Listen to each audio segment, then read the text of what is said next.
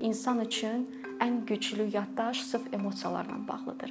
Əgər o hər hansı bir öyrənmə prosesində güclü emosional bir vəziyyətdə olursa, o həmin biliyi, həmin səriştələrin öyrənmə prosesini heç vaxt unutmur.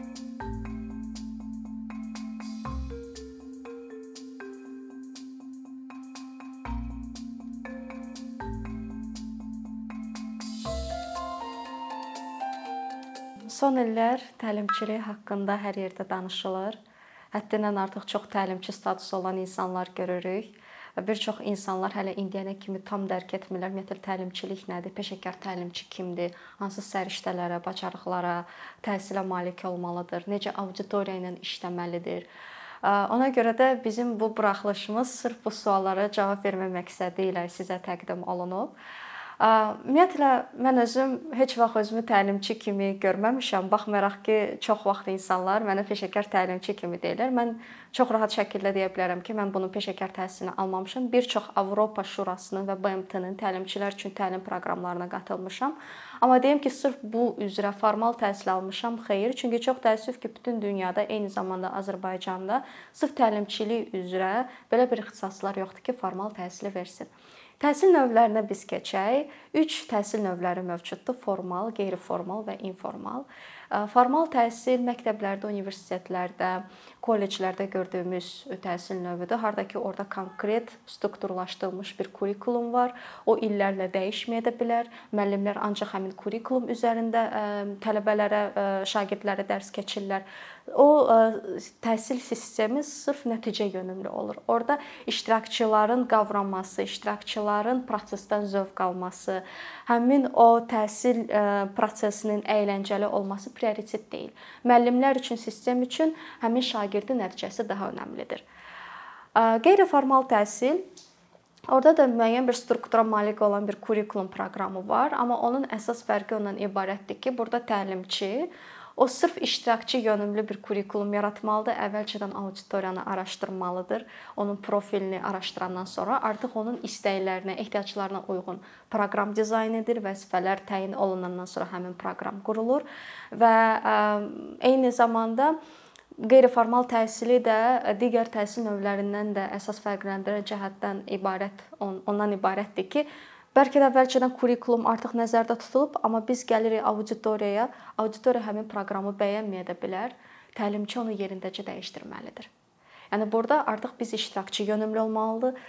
İştirakçı anlamasa da belə biz onu 1000 dəfə başa salmalıyıq, anlatmalıyıq və eyni zamanda təlimçi iştirakçılardan da öyrənməyə açıq olmalıdır və öz fikrini yeritməməlidir ki, o iştirakçını narahat etməsin. Yəni əgər formal təhsildə müəllim gəlir öz fikrini yeridirsə, bunun ancaq düzgün bir variant olmasını bir çox vaxtlarda təqdim edirsə, qeyri-formal təhsildə bu qəbul olunmazdır.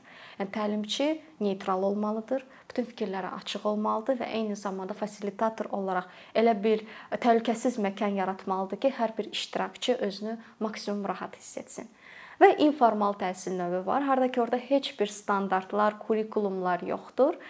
Bu bizim gündəlik öyrənmə metodlarımıza aiddir. Biz dostumuzla da söhbət edə bilərik, yeni bir şeylər öyrənə bilərik, filmə baxa bilərik, kitab oxuya bilərik, hər hansı bir yerdən yeni bir məlumat öyrənə bilərik. Yəni informal təhsil çox spontandır, plansızdır və hər zaman insan həyatı boyunca onu əhatə edən bir prosesdir. Ümumiyyətlə təlimçi nə etməməlidir? Biz bu sualı mütləq cavabı özümüz üçün müəyyənləşdirməliyik. Təlimçi qətiyyən iştirakçıları təhqir etməməlidir. Mən çox eşitmişəm ki, bir çox məşhur təlimçilər fəxrlə söyləyiblər ki, mən bir iştirakçı mənə qarşı bir ə, provokativ sual verib və mən onun auditoriyanın bütün iştirakçıların ə, yanında mən ona çox sərt bir cavab verdim, kobud bir cavab verdim və mən onu yerindəcə otuzdurdum. Bu düzgün bir yanaşma deyil. Təlimçinin mütləq güclü etik dəyərləri olmalıdır və o əgər özünü üstün hesab etmək istəyirsə iştirakçıdan, həmin o etik dəyərlərlə onu hər zaman göstərməlidir. Çünki iştirakçıların müxtəlif problemləri ola bilər. Müxtəlif onlar təcrübələr yaşayıblar, müxtəlif hekayələri var və biz hər birinə müəyyən bir imkan yaratmalıyıq ki, onlar öz fikirlərini bildirsinlər və biz bir təlimçi olaraq maksimum neytral yanaşmalıyıq. Biz heç bir iştirakçıya deməməliyik ki, sən doğrusan, sən yanlışsan Biz hər bir fikirlərə hörmətlə yanaşaraq elə bir təhlükəsiz məkan yaratmalıyıq ki, hər bir iştirakçı həqiqətən də utanmasın öz sözünü deməkdə. Və mən hər zaman təlimlər keçərkən sosial sahibkarlıq üzrə, müxtəlif mövzular üzrə hər zaman çalışıram ki, slaydlardan, təqdimatlardan maksimum uzaq durum. Çünki o qədər tələbələr, xüsusən şagirdlər dərslərdə bu slaydları görürlər, nəzəriyyəni çox eşidirlər, çox yorulurlar. Və hər zaman da mənim yanaşmam ondan ibarət olub ki, maksimum iştirakçılar əylənərək öyrənsinlər. Müxtəlif oyunlar salıram, qrup işləri salıram ki, ən azı utanan, öz fikrini bildirməkdə çəkinən şagirdlər və yaxud da tələbələr onlar qrup işlərində öz fikirlərini rahat şəkildə ifadə edə bilsinlər. Və məsələn, inklüzivlik mövzusudur. Proqramda biz onu ora salırıq. Və biz orada konkret qeyd etmirik ki, orada hansı oyunlar və energizerlər olacaq. Çünki hər şey baş verə bilər və proqram dizaynında biz ümumiyyətlə birinci bilməliyik ki, bizim vəzifələrimiz nədir ki, biz bu təlimi keçəndə bizim müəyyən bir məqsədimiz, vəzifələrimiz olmalıdır ki, iştirakçıları həmin vəzifələrə çatdıra bilək. Və sırf həmin o vəzifələri təyin edəndən sonra ancaq biz ondan sonra proqramı dizayn etməliyik. Amma çox vaxtı təlimçilər bunu bilməyərək onların standart bir proqramı olur və onlar hər auditoriyonu keçirtmək istəyirlər və təbii ki, o o qədər də effektiv nəticələr vermir. Və biz həmin o vəzifələri təyin edirik, proqramı dizayn edirik və proqramı da dizayn edəndə biz ancaq orada mövzuları təyin etməliyik.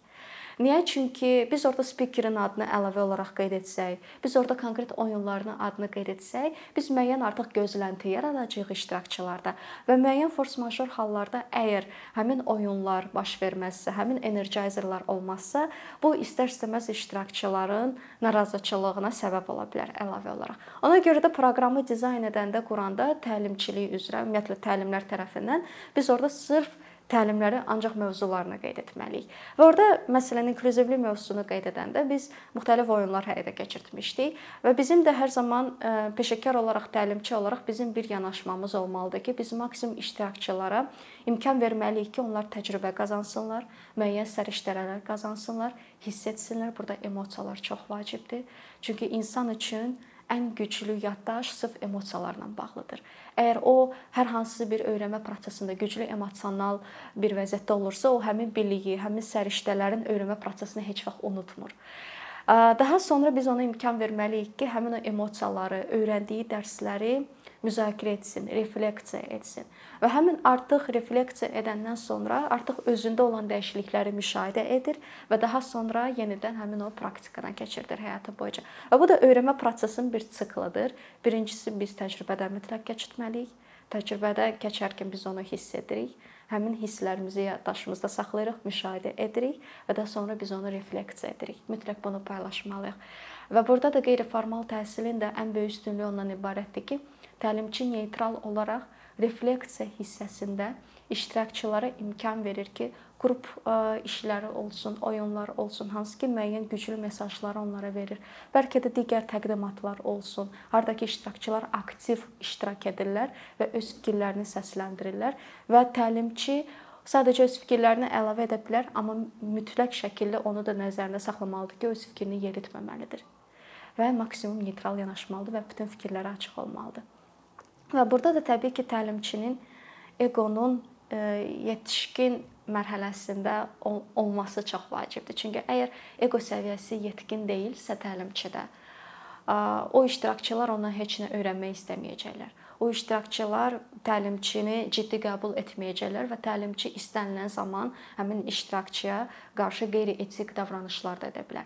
Həmin təlimçi bəlkə ola bilsin ki, öz sahəsi üzrə kifayət qədər güclü təhsilə malikdir, bacarıqları var, təcrübəsi var, amma əgər onun eqo səviyyəsi yetkin deyilsə və o açıq deyilsə müxtəlif insanların fikirləri və əgər o açıq deyilsə müxtəlif insanlardan öyrənmə prosesinə onda o istədiyi nəticəyə e, gəlib çıxmayacaq. O sadəcə bir tərəfli bir kommunikasiya olacaq, o sadəcə ötürəcək o heç bilməyəcək ki, həmin o iştirakçılar həmin məlumatı, istədiyi fikirləri əldə ediblərmi, yoxsa yox. Təlimçilik xüsusən qeyri-formal təhsildə çox vacibdir ki, bu iki tərəfli bir kommunikasiya prosesi əsasında olsun. Təlimçi fasilitator da ola bilər, tərcüməçi də ola bilər. Tərcüməçi nə deməkdir? Məsələn, hər hansı bir məlumat var, çox akademik dildə yazılıb Biz istəyirik məsələn həssas qruplarla çalışırıq, gedirik kəndlərə. Biz həmin məlumatı onlar üçün daha asan dillə tərcümə etməliyik. Fasilitator nə deməkdir? Mən burada heç bir məlumat ötürmürəm, amma qrup işlərlə, müxtəlif məşğələlərlə mən çalışıram ki, iştirakçılar bir-biri ilə öz fikirlərini, öz ideyalarını, təcrübələrini paylaşsınlar. Elə bir mühit yaransın ki, onlar bir-birlərindən öyrənsinlər. Və fasilitator olaraq da təlimçi təbii ki, iştirakçılardan özü də öyrənməyə başlayır. Burada təbii ki, eyni zamanda direktor rolu da var təlimçidə. Direktor nə deməkdir?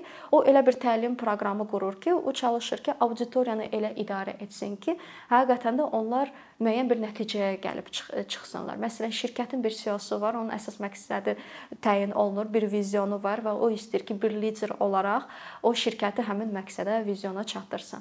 Eyni şey təlimçiyə də aiddir ki, o auditoriyaya girirsə, iştirakçılarla tanış olursa, onları cəlb edirsə bu prosesə, o öz müəyyən vizyonunu, məqsədinə çatdırmaq istəyir. Və təbii ki, biz burada konflikt situasiyaları haqqında danışırıqsa, biz burada hər şeyə açıq olmalıyıq, hər şeyi gözləməliyik iştirakçılardan. Təbii ki, biz onları əvvəlcədən araşdırırıq, amma biz əgər hər hansı bir aqressiv bir davranış görürüksə, konfliktli situasiyalar əgər görürüksə, mütləq biz həmin ancaq insana fokuslamamalıyıq. Çünki o artıq istər-istəməz digər iştirakçılara da öz təsirini göstərə bilər. Ümumiyyətlə təlimçilikdə və qeyri-formal təhsildə biz hər zaman bu sualı özümüzə verməliyik bir nəfər daha vacib vacibdirmi, yoxsa qrupun vahid olaraq götürmək? Bunun düzgün cavabı yoxdur. Hər təlimçi üçün bu fərdi bir yanaşmadır, fərdi bir düşüncə tərzidir. Amma hər zaman bir təlimçi olaraq hər hansı bir auditoriyaya girəndə, iştirakçılarla çalışanda biz hər zaman özümüzə bu sual veririk. Əgər hər hansı bir aqressiv bir davranış olarsa, konflikt situasiyası olarsa, biz burada həmin insana mı fokuslanmalıyıq ki, qrup sonra narazı qalsın? Yoxsa biz həmin qrupa mı fokuslanmalıyıq ki, onlar daha çox öyrənsınlar, amma bu fərdi şəxs artıq aktiv şəkildə iştirak etməyəcək bu təlimdə. Ona görə də bizim üçün, təlimçilər üçün ən aktiv suallardan biri və vacib məqamlardan biri bu balansı maksimum şəkildə saxlamaqdır. Və ümumiyyətlə iştirakçı növlərinə gəldikdə isə hər bir təlimçi bu iştirakçı tiplərini özü üçün də müəyyən etməlidir ki, daha rahat şəkildə iştirakçılarla çalışa bilsin. Mən nəyə görə auditoriya sözünə o qədər də çox istifadə etmirəm, daha çox iştirakçı istifadə edirəm. Çünki qeyri-formal təhsildə biz auditoriya ilə çalışmırıq. Biz maksimum təlimçi olaraq elə etməliyik ki, digər həyatlarının sahələrində aktiv et, aktiv iştirak etməyən, hətta öz həyatında da belə aktiv iştirak etməyən insanlar bizim təlimimizdə aktiv iştirak edərək öz həyatlarının liderləri olsun. Və qeyri-formal təhsil də o qədər böyük bir gücə malikdir ki, adicə e, konflikt regionlarda olan gənclər də belə, həssas qrup insanlar da belə müəyyən bir təlimdə iştirak edərək düzgün mesajlar alırlarsa, onlar hətta həmin təlimdən də sonra düşüncə tərzlərini dəyişdirərək öz həyatlarına təsir göstərə bilirlər. Və burada iştirakçı e, növlərinə gəldikdə isə 4 tip e, iştirakçı var. Birincisi nəzəriyyəçilərdir. Nəzəriyyəni həddindən artıq çox sevirlər, ancaq dinləməyi xoşlayırlar, ancaq oxumağı çox e, xoşlayırlar. Akademik həyat onlar üçün ideal bir həyatdır. Nəzəriyyə onların onlar üçün hər şeydir. İkincisi aktivistlərdir. Hər hansı bir məsələndə bir təlimçi olaraq iştirakçılarla tanış oluruq. Onlara bir tapşırıq veririk. Ən tez kim gəlirsə, flip chartı götürürsə, məsələn də flomasteri götürürsə, kim məsələn qrupu idarə etmək istəyirsə, dərhal hərəkətə keçən onlar aktivistlərdir. Onlar hətta heç dinləməyəcəklər sizin tapşırıqları, amma o qədər onlar aktivdirlər ki, ən çox onlar məsələn də hər bir təlimçiyə köməkçi olan iştirakçı tipləridir. Üçüncüsü onlar praqmatiklərdir. Onlar hər auditoriyada olur. Hansı ki, çox tənqidi düşünürlər, şübhə ilə yanaşırlar. İlk dəfə də həmin insanı görürlər, ilk dəfə həmin mövzu ilə tanış olurlar. Bəlkə həddindən artıq çox biliklidirlər, amma onlar kifayət qədər çox praqmatik yanaşırlar, tənqidi düşünməyi sevirlər və kifayət qədər provokativ suallar da verə bilərlər. Və dördüncüsü bu müşahidəçilərdir. Onlar əsasən sakit otururlar, introvert insanlardır, daha çox dinləməyi, müşahidə etməyi xoşlayırlar və ilk günlərdə əgər biz təlim proqramı hazırlayırıqsa, hər bir təlimçi bunu da bilməlidir ki, biz gözləməməliyik ki, həmin müşahidə tip müşahidəçi tipli reflektorlar olan həmin o iştirakçılar, onlar ilk gündən aktiv olacaqlar. Onlar bəlkə ikinci gün, üçüncü gün olacaqlar. Biz onlara daha çox qrup işləri verməliyik. Daha çox biz onlardan soruşmalıyıq ki, sizin fikirləriniz nədən ibarətdir? Amma aktivistlər elədir ki, məsələn, biz bir sual verə bilərik auditoriyaya, aktivistlər ən birinci əllərini qaldırıb o suallara cavab verəcəklər. Biz bu 4 tipdə olan iştirakçıları görəndən sonra artıq biz daha buna sakit yanaşacağıq ki, nəyə görə auditoriyada olan məsələn 80% və ya 70% daha çox aktiv iştirak edir, amma digərləri heç iştirak etmək istəmir. Və təbii ki, burada biz heç vaxt iştirakçıları kəskin bölə bilmərik ki, bu iştirakçı tipi ancaq nəzəriyyəçidir. Hər birimizdə hər 4 tip var. Bəzilərində sadəcə müəyyən tiplər daha yüksək səviyyədədir, faiz olaraq, nisbət olaraq. Ona görə də biz e, həm məsələn də bir insanda, bir iştirakçıda həm nəzəriyyəçi, həm müşahidəçi də görə bilərik. Yəni biz bunları artıq onlarla kommunikasiyaya girəndən sonra bunların hamısını öyrənirik. Və təbii ki, artıq biz təlimlərdə həmin o vahid öyrənmə prinsipi də çox vacibdir. Vahid öyrənmə prinsipi nə deməkdir? Həm təlimçi özü öyrənir, həm iştirakçı özü öyrənir, həm iştirakçılar bir-birindən daha çox şey öyrənirlər və eyni zamanda biz emosional, psixoloji və bəlkə də bəzi təlimlərdə fizioloji olaraq da kompleksli bir proses olaraq həmin o təlimlərdə iştirak edirik. Yəni bunun da adı vahid öyrənmədir, hansı ki ingilis dilində buna holistic learning deyilir. Yəni təlimçilikdə də bu çox vacib bir e, nüansdır.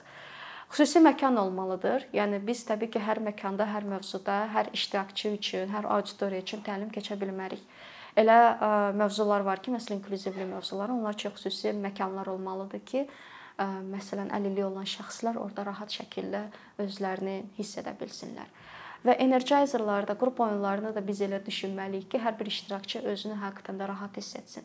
Çünki xüsusən də inklüzivlik mövzusunda olan oyunlar, onlar elə düşünülür, elə araşdırılır ki, xüsusən əlilliyi olan şəxslər məsələn və ya da digər kateqoriyadan olan insanlar onlar da aktiv şəkildə iştirak edə bilsinlər.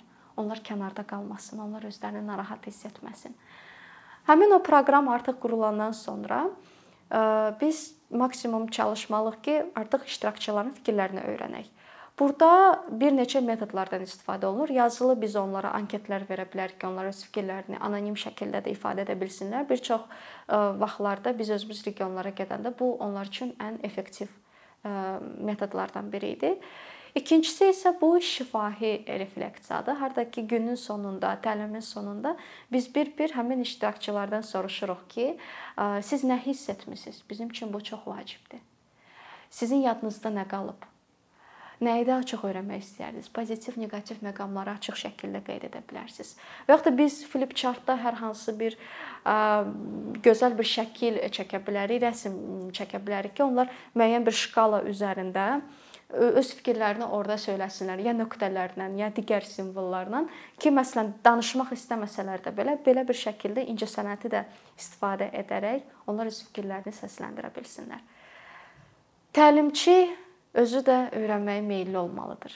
Təlimçi özü də öyrənməyi bacarmalıdır ki, öyrədə bilsin, paylaşa bilsin. O qədər elə özlərini təlimçi adlandıran insanlar var ki, hansı ki, eyni fikirləri, eyni məzmunu illərlə fərqli auditoriyaya keçirdirlər. Və hər zaman da mən özümə sual vermişəm. Görürsən həmin təlimçilər özləri bezməyiblərmi eyni məzmunu paylaşmağa? Çünki şəxsi təcrübəmdən mən sadəcə sizə deyim ki, bir məlumat çox tez köhnəlir Və 5 il əvvəl adicə mənim auditoriyalarda danışdığım məlumat artıq indiki zamanda aktual deyil. Çünki çox tez dəyişir hər şey. Ayrıca sosial sahibkarlıq mövzusu özü hər il inkişaf edən və dəyişən bir sahədir. Və təbii ki, hər zaman məqalələr oxuyuram, kitablar oxuyuram, fərqli təlimlərə gedirəm və hər zaman da təlimlərə gedəndə gedirəm orada fasilitatorların və təlimçilərin yanaşmalarını öyrənirəm. Və ən çox da öyrəndiyim sırf həmin təlimlərdə olan məqam məzmun deyil, networking də çox vacibdir. Amma sırf həmin təlimçinin təlim keçərkən öyrənmə prosesində olan yanaşmasıdır. Məsələn, acı stulu necə qoyur ki, o orada əyləşsin və auditoriya ilə danışsın, iştirakçılarla danışsın. Mən elə kiçik detalları fikir verərkən özümdə qeyd edirəm ki, artıq keçən xarici təlimlərdən sonra artıq o təcrübəni Azərbaycana gətirim. Və özüm də hər zaman o sualları verəndə ki, iştirakçılardan siz daha çox nəyi öyrənmisiniz? Onlar məzmundan daha çox sırf yanaşmaya və həmin təlimçidə olan dəyərlərə daha çox fikir verilir. Və ona görə də biz xüsusən Avropa Şurasının da biz təlimçilər üçün təlim proqramında da biz onu görmüşük ki, onların da xüsusi bir metodologiyası var. Harda ki, təlimçilik sırf insanın səriştələri, bilik və bacarıqları və ən əsası dəyərləri üzərində qurulur. O dəyərlər yoxdursa, artıq onun nə səriştələri, nə bilik və bacarıqları iştirakçılar üçün önəmli olmur.